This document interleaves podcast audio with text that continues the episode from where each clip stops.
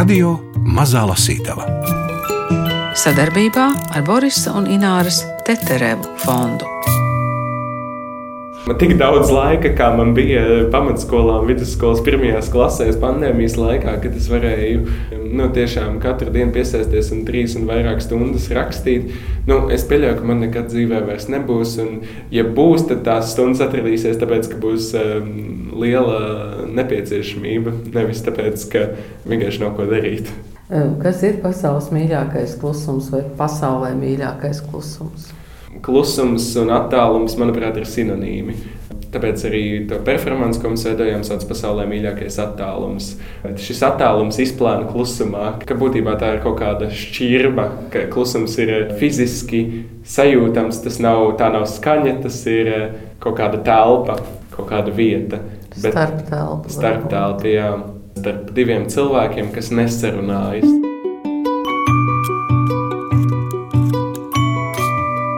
Gusts Ābele 15 gadu vecumā dibinājis teātras studiju kāpnes, tagad kļuvis par Latvijas Kultūras akadēmijas pirmā kursa teātra režijas studentu, un vienlaikus ar studentu apliecību var turēt rokās savu debijas grāmatu Pasaulē mīļākais klusums.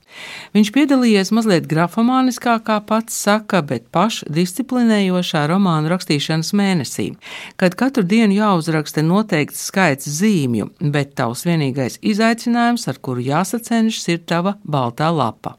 Iedvesmojies no saviem domu biedriem, no literatūras, teātra, kino, bet jo īpaši no filmas sapņotāji, Ābele pats mazliet atgādina sapņotāju, kurš koķetē ar domu par pasaulē mīļāko troksni, bet pagaidām mums priekšā viņa debijas grāmata Pasaulē mīļākais klusums.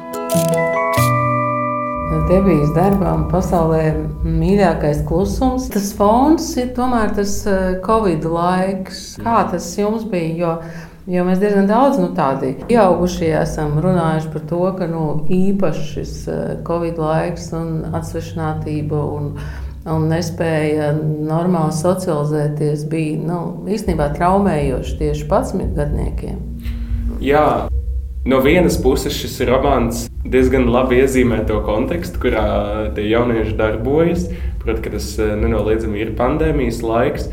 Un eh, kaut kādā ziņā viņi, protams, eh, nekad nebūtu nonākuši tādā situācijā, ja nebūtu pandēmijas laika. Tajā pašā laikā um, vēlos uzsvērt to, ka mans mērķis ar šo romānu bija nevis um, iezīmēt to, cik traģisks bija pandēmijas laiks, vai tas ir pie visa vainīgs, jo būtībā man dikti nepatīk, ka vienmēr tiek vainoti apstākļi. Jo tas patiesībā nemaz nav interesanti lasīt vai skatīties izrādi par cilvēkiem, kuri ir pieņēmuši sliktus lēmumus, tāpēc, ka viņiem ir bijusi kaut kāda eh, slikta audzināšana, vai tāpēc, ka viņi ir dzīvojuši sarežģītā laikā. Man tas īsti neinteresē. Man interesē tas, kā Nu, kad cilvēki tiešām kļūdās, viņi kļūdās tāpēc, ka viņi ir cilvēki un tāpēc, ka tas tā ir. Bet uh, pandēmijas konteksts tur nenoliedzami ir ar to, ka viņi dzīvo savu veidu izolētībā. Un es tieši biju ļoti salasījies un saskatījies Gilberta Dēra sapņotājus, kas arī dzīvo izolācijā. Tas kaut kā noslēgtā vidē, un arī tas, ka tie divi galvenie varoņi, Svens un Karls, viņiem nebūtu izveidojušās tik stipras draudzības saites ja viņi nedzīvotu tādā laikā, jo ņemot vērā, ka viņi dzīvo dažādās valstīs, Iespējams, ja viņiem būtu tāda intensīva un ar eh, klātienes socializēšanos pielādēta ikdiena, viņi iespējams nemaz neatrastu laiku, lai komunicētu ar telefonu starpniecību savā starpā. Tā kā tur ir iezīmēs gan tie plusi, gan tie mīnusi šim laikam.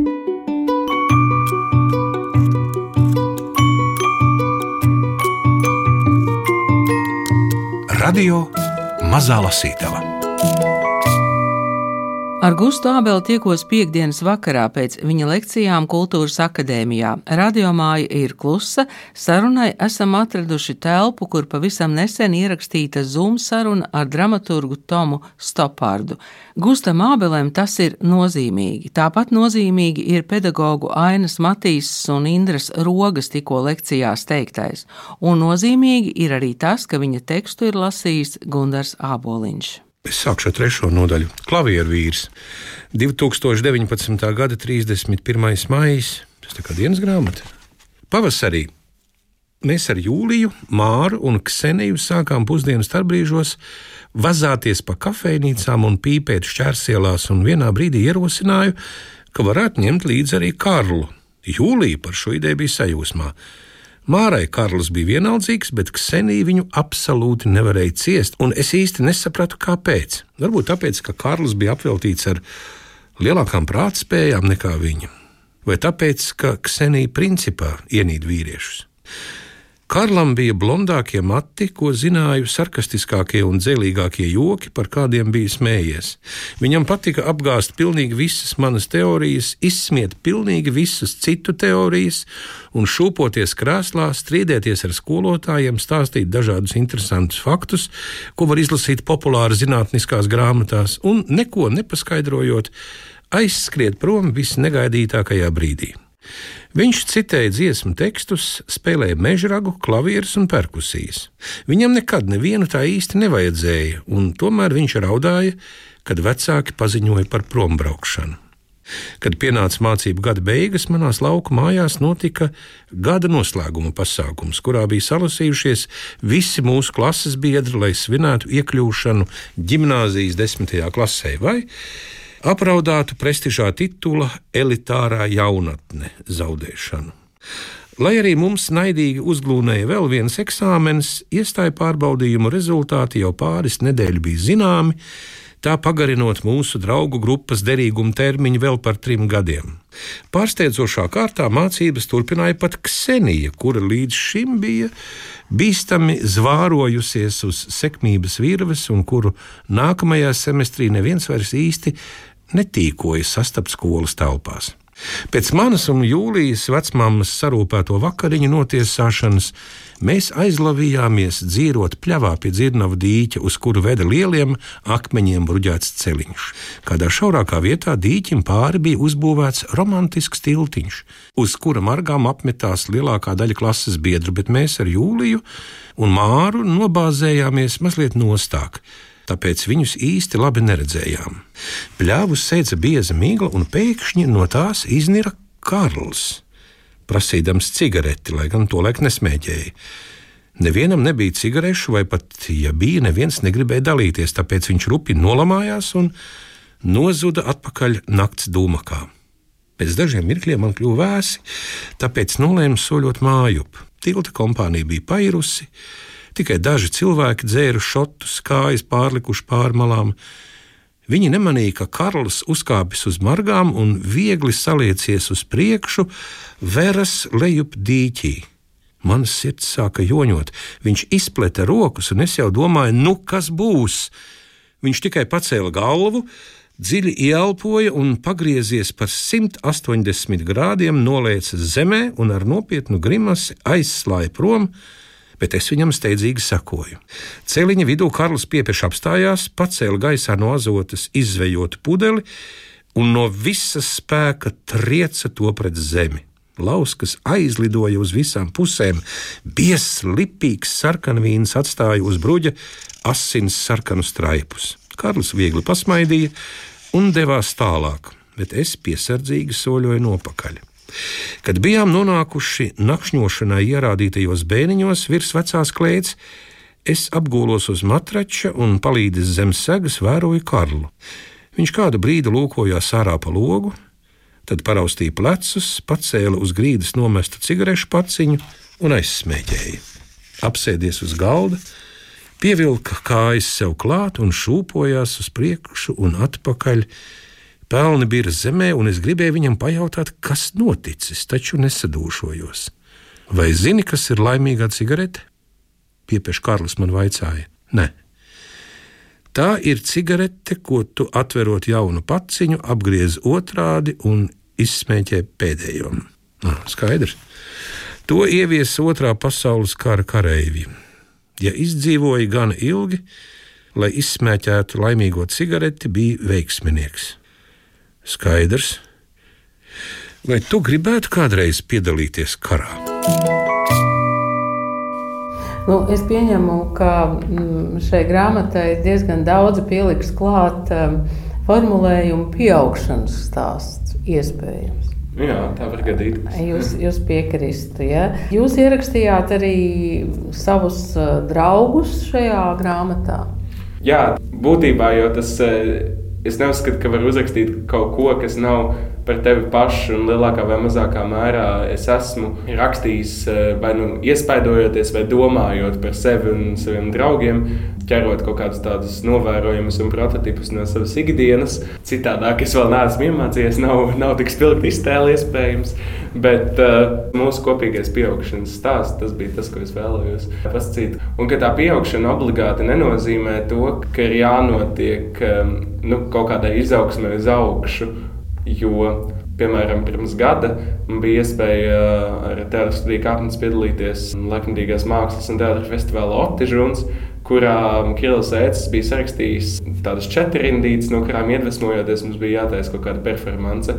Un uh, mēs veidojām um, dokumentālu pieaugšanas stāstu izrādi, kurai pamatā bija Dzīslis, kurš, ja nemaldos, skanēja apmēram tā, ka stāvi uz vietas, līdz nav nekur vairs jāiet, stāvi uz vietas, līdz esi atnācis. Un ka patiesībā tev nav jāpieliek nekāda piepūle, lai pieaugtu, jo būtībā pats parūpēsies par to, ka tev notiek viss, kas tev nepieciešams, lai nonāktu tur, kur tev nepieciešams. Bet tagad devītā nodaļa. Karls Pilnīgs sviests. 2020. gada 15. jūnijas. Kad satraucos, man vienmēr džingst ausīs. Tik skaļi, ka gandrīz neko nevar dzirdēt. Ausīs džingstēja arī toreiz. Tramvajā veidīja patīkams zemeņu aromāts. Kāda veca kundzīte veda kasti ar rogām, un mēs braucām cauri teikai centra virzienā. Džingstoņu nespēja pārmākt pat austiņās dunošā mūzika. Vakar vakarā Karls mani kārtējo reizi bija centies pārliecināt par kādu mūzikas žanra misiju pasaules sabiedrības dzīves kvalitātes uzlabošanā. Šajā gadījumā tas bija reps. Un aģitācijas nolūkos man bija izveidojis playlisti ar 40 dziesmām no mūzikla Hamiltons, bet es uz apli atskaņoju tikai vienu, nu, to, kurā nebija repa. Bija vēla pēcpusdiena, gaiss kā parasti spiedīgs, tramvajā darbojās kondicionieris, un es jutos kā oāzē tūkstneša vidū. Tikai džingstoņi lika noprast, tā ir mirāža. Pēc vairākiem mēnešiem, kuros nesastapāmies te detoksa, te pandēmijas dēļ, man atkal bija norunāta tikšanās ar āru. Un tieši viņa džingstēja manā labajā ausī. Satikties ar viņu vienmēr nozīmēja nelielu piedzīvojumu, taču nepieredzētais pārtraukums mūsu saskarsmē viesa papildu satraukumu. Cerēju, ka plaisas vietā pēkšņi nebūs parādījusies siena, jo ar ieskrējienu pārliekt pāri aizai, kā man šķita, bija vieglāk nekā pārrāpties mūrim. Bet varbūt tā nebija taisnība, un tādā gadījumā viss bija dimbā. Kreisajā ausī džingstēja Karls. Viņš jau agri no rīta bija devis ziņu, lai lūdzu viņam nerakstu, kamēr viņš nav apstiprinājis, ka tas ir droši.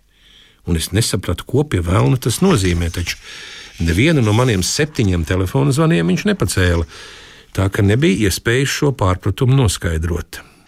Tikšanās iesākās nedaudz mulsi, līdz beidzot ārā, vai varbūt es, sāka bērt vārdus tā, ka mulsums nemanot pagaisa. Soļojām pa ielu, sandālis ritmiski bērza pēdu virspusi, mēs neapstājāmies ne pie sarkanās, ne zaļās gaismas, un tad pamanīju uz āras apakšdālma oranžu plankumu.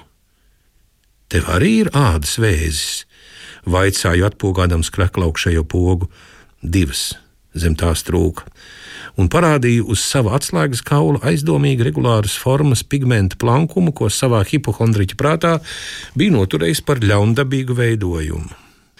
Tad ārā man izstāstīja jautru stāstu par sava vectēva sievu, kurai bijusi rokas operācija, pēc kuras dibenā vajadzēja inicēt pretsāpju medikamentus, un viņas, proti, vecstāvas sievas, nevis āras dibens, iekaisa.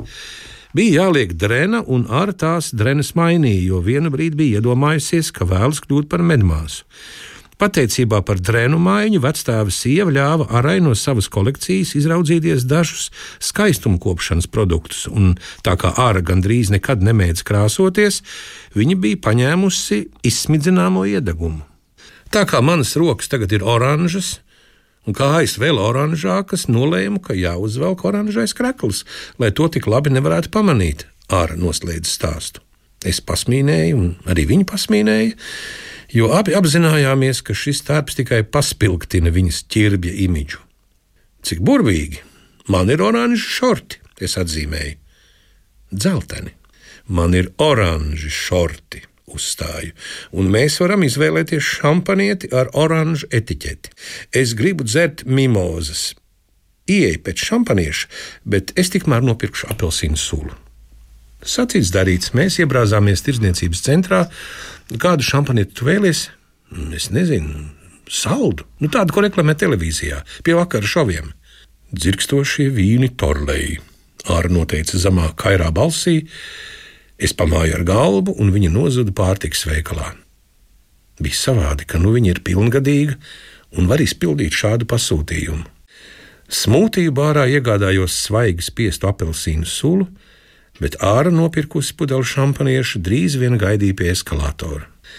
Braucam augšā, es gribu pasēdēt pie strūklakas. Kāpēc? Nē, nevajag tā būs dzeršana publiskā vietā. Tur ir brīnišķīgs skats uz apakšveļas reklāmām. Varēsim izvēlēties, kurš lanžerē mums vislabāk patīk. Piedāvājums nebija apstrīdams, uzbraucām līdz augšstāvam, nosēdāmies pie strūklakas un bijām gatavi dzīvēm. Tā ir literatūra, kino, teātris, kas ir iespaidojis to jūsu nu, to valodu, to valodas arsenālu, ko jūs lietojat. Nu, pilnīgi noteikti gan literatūra, kino un teātris, gan uh, vienkārši tas, ka Nav tā, ka šis ir pirmais rakstu darbs, ko es jebkad esmu rakstījis. Protams, gan šis romāns, gan uh, liela daļa no tā, ko es esmu rakstījis iepriekš, un kas nav nekur publicēts, un arī netiks, ir tapusi akcijas Nacionālais romānu rakstīšanas mēnesis ietveros. Šajā akcijā tad, um, tur uh, tādā intensīvā viena mēneša posmā um, cilvēki no visas pasaules raksta romānus.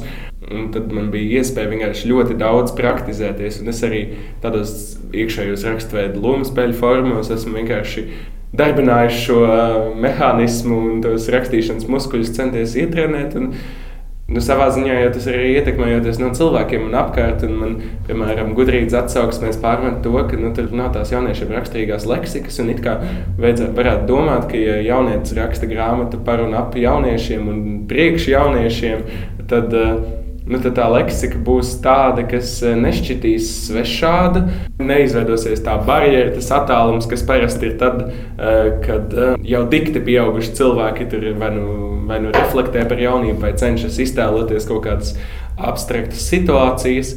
Bet izrādās, ka tā nav. Un, lai arī es tur esmu, nu, tur es varētu citēt, ka tur vienā teikumā tur ir vismaz pieci lamu vārdi, un pusi no tiem krieviski, pusi angliski. Uh, tad jebkurā gadījumā kaut kā uz tā visa fona laikam tas, ka nu, tomēr nu, viņi. Protams, savā saziņā neizmanto pilnīgi tīru literatūras valodas stilu. Tas laikam tomēr izplēna kaut kā. Jo... Bet, eh, kāds bija tas ceļš, nu, lai pirmā grāmata tomēr būtu vākos, lai tā grāmata būtu izdota, lai šeit būtu ilustrācijas? Nu, tas arī nebija tā vienkārši tas nebija, jā, tas nebija vienkārši uz knipi, bet tajā pašā laikā tas nebija arī smagi, jo tas notika ļoti savā ziņā ilgā laika posmā. Sāku es šo romānu rakstīt eh, aiz tās surdošās nepieciešamības, ka maniem dzīves pārdzīvojumiem, pusauģa laika pārdzīvojumiem gluži vienkārši vairs nepietika ar dzīvi vien, un ka vajadzēja kaut kur to visu izrakstīt. Tad tā tiešām sākotnēji bija dienas grāmatu, kaut kādu daļu, nodaļu. Es uzrakstīju tādā formā, un tad um, nākamajā gadā, tajā pašā Nacionālajā romāna rakstīšanas mēnesī, es nolēmu ķerties tam klāt vēlreiz un uh, kaut kā to visu sintēzēt un uh, abstrahēties no, no sevis un no tā, ka tas, uh, kas rakstīts par sevi, un tomēr pievērsties uh, tam, ka es varētu uzrakstīt kaut ko, kas ir mazliet universālāks. Sevi rakstīt tādā, nu, nepastarpinātā veidā arī varētu nebūt sevišķi interesanti. Un tad es uzrakstīju to romānu, un tieši tuvojās Ziemassvētki. Mēs izdomājām, ka ar, ar Arabelu, kas ir grāmatas ilustrātori, ka varētu dāvināt šo romānu Ziemassvētkiem, ka mēs viņu vārdā tāpat samakatētu. Un, Pašie. jā, jā, un ka tad es izietu cauri un uh, izlabotu tos komandas, ko pats būtu palaidis garām, un viņi sazīmētu ilustrācijas. Un tad tas mums bija tāds kaut kāds. Um, jauks kopienas process, lai mēs sev kaut kā pašdisciplinējām. Tad uh, bija tā, ka es piekdienas uh, vakarā rakstu ar Belēnu naktī, kur ir ilustrācijas, jo ir rīta sestdiena mums ir jādara, jo ir tie 20 mūsu draugi, kas uh, gaida nākamo nodaļu. Un tad, nu, tad arī gaidījumi vai pa pastu vai mm, rokās nododot, viņi saņēma tās nodaļas. Un tad uh, jokoju, ka tagad varēs pārdot par brangu naudu, kad būšu bagāts un slavens, protams. Um, un no tā arī tas viss attīstījās, uh, jo laimīgā kārtā ar Zenētas Ingas Pizāns, viens no tādiem beta lasītājiem, starpniecību, um, man uh, izdevās nosūtīt šo romānu apgādam Jānis Roza. Bet katrā ziņā man uzaicināja uz tikšanos, un es biju patiesībā ļoti pārsteigts, ka tā Jo, lai arī man eh, pašam tas eh, darbs bija svarīgs, man eh, nešķita, ka, nu, nu, ka tas jau ir vēl, jau tādā līmenī, vēl pārsteigtāks es biju, ka jau ar pirmo reizi kultūra kapitāla projekts tika apstiprināts, jo mēs jau rēķinājāmies, ka būs jāraksta vairākas reizes un kaut kas tur jālabo, kamēr tas notiks. Garākais un grūtākais noteikti bija. Um, Pirmkārt, izdzīvošanas process, izdzīvot kaut kādas tās eh, mums visiem raksturīgās eh, pusauģu traumas, lai būtu iespēja, kuras pārvērst tekstā. Un tad nākamais eh, grūtais posms bija rediģēšanas process, kurā tas romāns bija jālasa tik ilgi, kamēr viņš pieriebās. Un tad jāstrādā ar diviem dažādiem redaktoriem, no kuriem viens gribēja tur paspilgtināt kaut kādas tās anarchistiskās un bohēmiskās iezīmes, un otrs savukārt gribēja kaut kā to visu iztīrīt un sataisīt kompaktāk, un vieglāk un um, nu, struktūrētāk. Un, un savā ziņā es ļoti daudz iegūstu tieši no šī procesa, kad bija tas dualisms. Un, un tad pēc rediģēšanas procesa, protams, nāca maketēšana, kas bija visinteresantākā, jo mēs tur bijām trīs uh, jauni cilvēki, uh, jauns rakstnieks, jauna ilustrātori un uh, jauna maketētāja, grāmatu mākslinieca. Un tad mēs kaut kā metāmies uz vienu roku un centāmies kaut ko izveidot. Un tad, protams, ja trīs jauni cilvēki saliek kopā, tad viss neiet tik raiti, kā varbūt varētu cerēt. bet arī tas bija savā ziņā mums visiem, es domāju, tāds uh, pieaugšanas process uh, visprofesionālā ziņā. Jā, bet es noķēru vienu vārdu, ko jūs teicāt, pašdisciplīna. Nu, nevar vienkārši sēdēt, gaidīt, rekur lidos iedvesma. Jā, noteikti. Es arī Mm, tāpēc eh, es eh, visu laiku pieminu visur eh, nacionālo romānu rakstīšanas mēnesi, jo lai arī es pieļauju, un es arī no savas pieredzes varu apgalvot, ka šie nanogrimo top galvenokārt slikti teksti, jo tā ir būtībā grafomānija. Cilvēki tiešām mēnesi katru dienu raksta gandrīz 2000 vārdu. Un, protams, tur vienā brīdī vienkārši izsīks, lai arī tur uh, slaveni rakstnieki arī nu, viņi vienkārši to pārvērš par rutīnu. Tā, tas, tas, tas rutīnas aspekts tur ir. Un es vienkārši man pēc dabas man varbūt ir darba spējas, bet es, eh, kamēr es nonāku līdz tam eh, termiņam, tad, eh, tad es neko nerakstīšu. Tad, kad tu vēlies rakstīt kaut kādu radošu tekstu bez kaut kāda konkrēta termiņa, pieprasījuma un izdejas punkta, kāpēc tu to dari, bet vienkārši es paša vēlmes, ja tu, tu, ja tu sevi nedisciplinēsi, tad tu tos tekstus muļās gadiem ilgi. Bet jā, tas nav konkurss, tu uzvari vienīgi pats sevi un savu balto lapu, kas tev stāv priekšā. Tā kā jūs aprakstītā Svena māsīca, kur skrien pati ar sevi, vai ne? Tā kā visu laiku mēģina sevi pārvarēt, pārspēt. -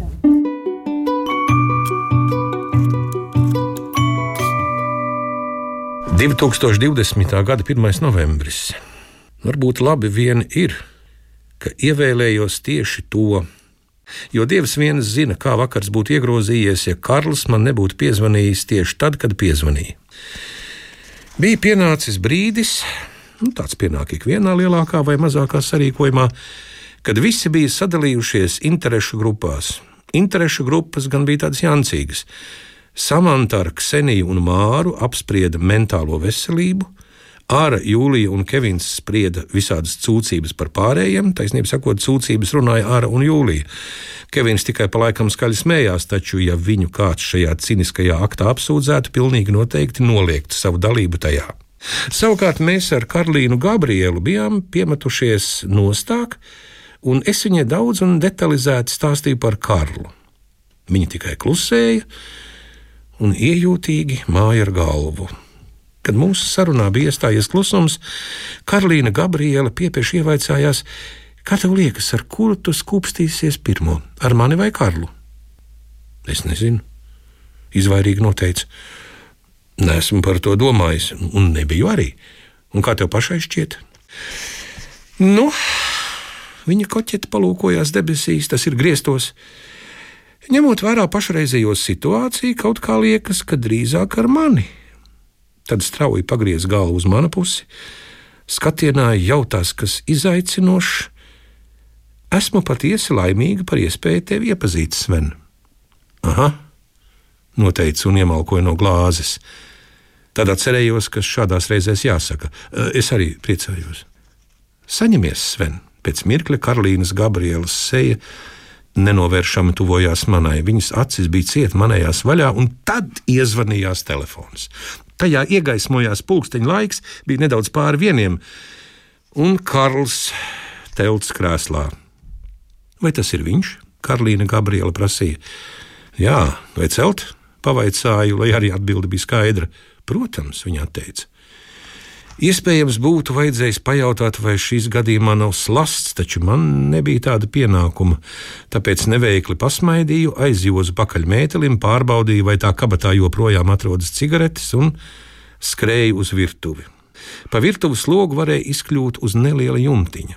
No tā pavērās skats uz tiltu, par kuru šajā vakara stundā brauca viena reta mašīna, uz šķūnīšiem, vienā no kuriem samanta glabāja velosipēdu, un uz nelielu koku pudurīti, kur cilvēki ar lukturīšiem rokā stumbru dobumos slēpa narkotikas, un vēlāk citi cilvēki ar lukturīšiem nāca šīm narkotikām pakaļ.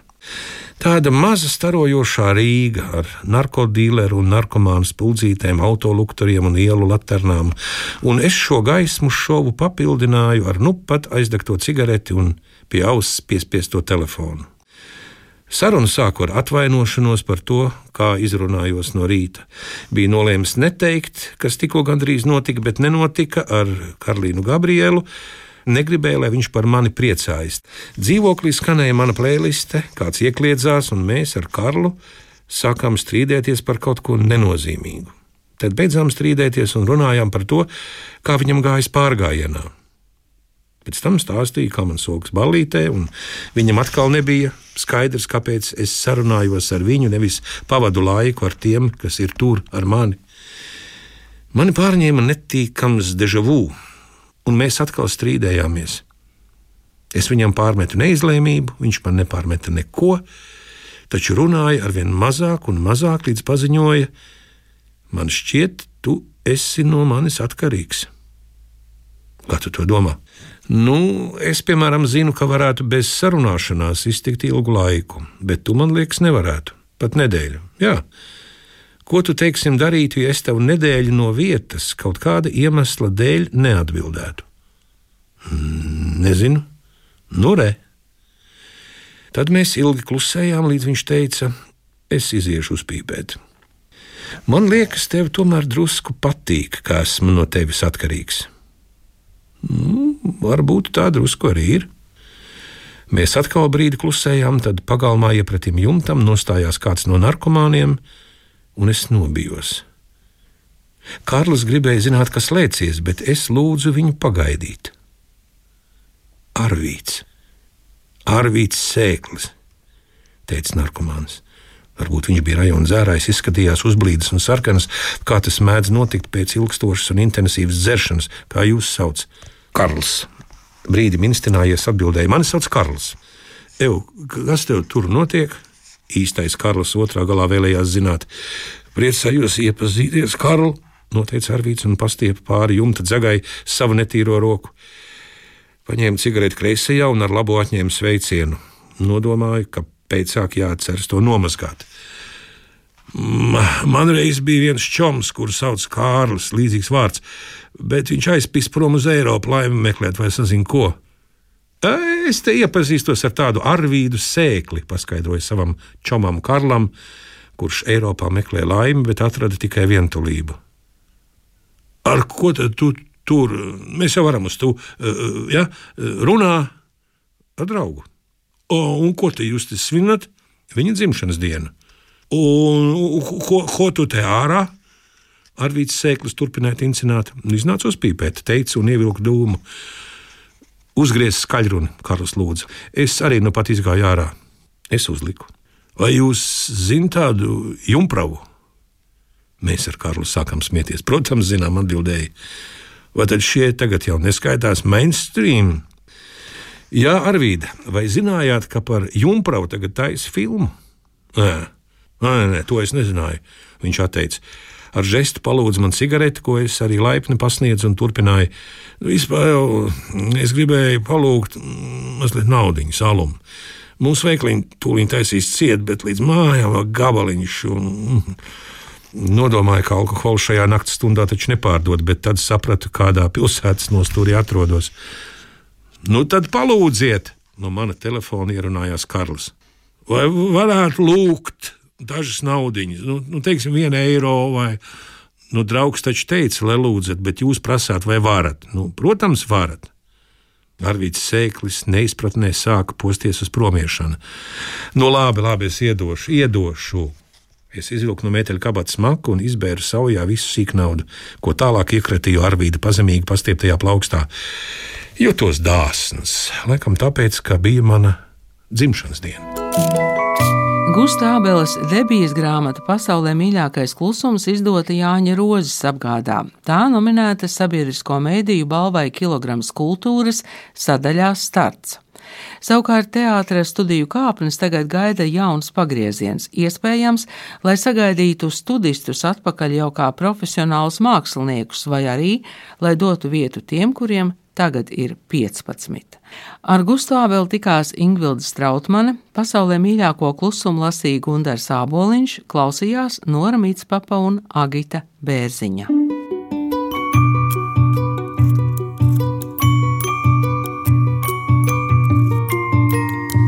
Radio Mazā Lasītava Sadarbībā ar Borisa un Ināras Teterevu fondu.